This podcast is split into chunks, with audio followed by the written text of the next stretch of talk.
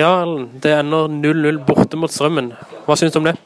Nei, det, var ikke det vi kom for. Vi kom for uh, tre poeng, så fikk vi oss ett. Det, er skuffende. Så prestasjonen som sett under ett, syns jeg er, er skuffende. Men uh, sånn er det. Vi taper ikke, og det er en ny kamp allerede til onsdag, så vi får sørge for å få med oss tre poeng der. Du ser jo at dette strømmelaget som ligger helt nede i sumpa. De ligger faktisk under streken. Ser dere noen tendens at det er et lag som ligger så langt nede på tabellen under kampen i dag? Altså når, når, det begynner å dra seg til ut mot uh, høsten, så er det kanskje de lagene der som er, som er verst å møte. Så de kjemper uh, for, uh, for, livet, de. Og jeg syns de gjør en god kamp. De gjør det vanskelig for oss, og de, de har noen farligheter.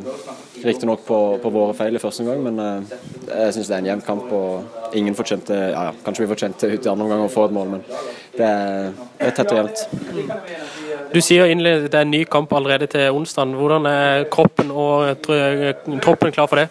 Ja, Kroppen tror jeg er veldig klar. Vi er godt trent i, i gruppa nå. Vi har hatt uh, de, de, andre periodene der det har vært tre kamper på uke, har vi stått i, stått i, veldig bra. Så jeg tror det er en fordel for oss at det er kamp allerede onsdag.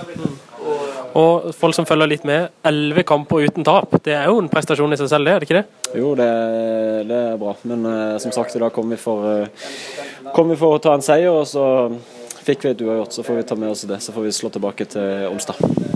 Da ønsker jeg deg masse lykke til allerede onsdag. Takk for det.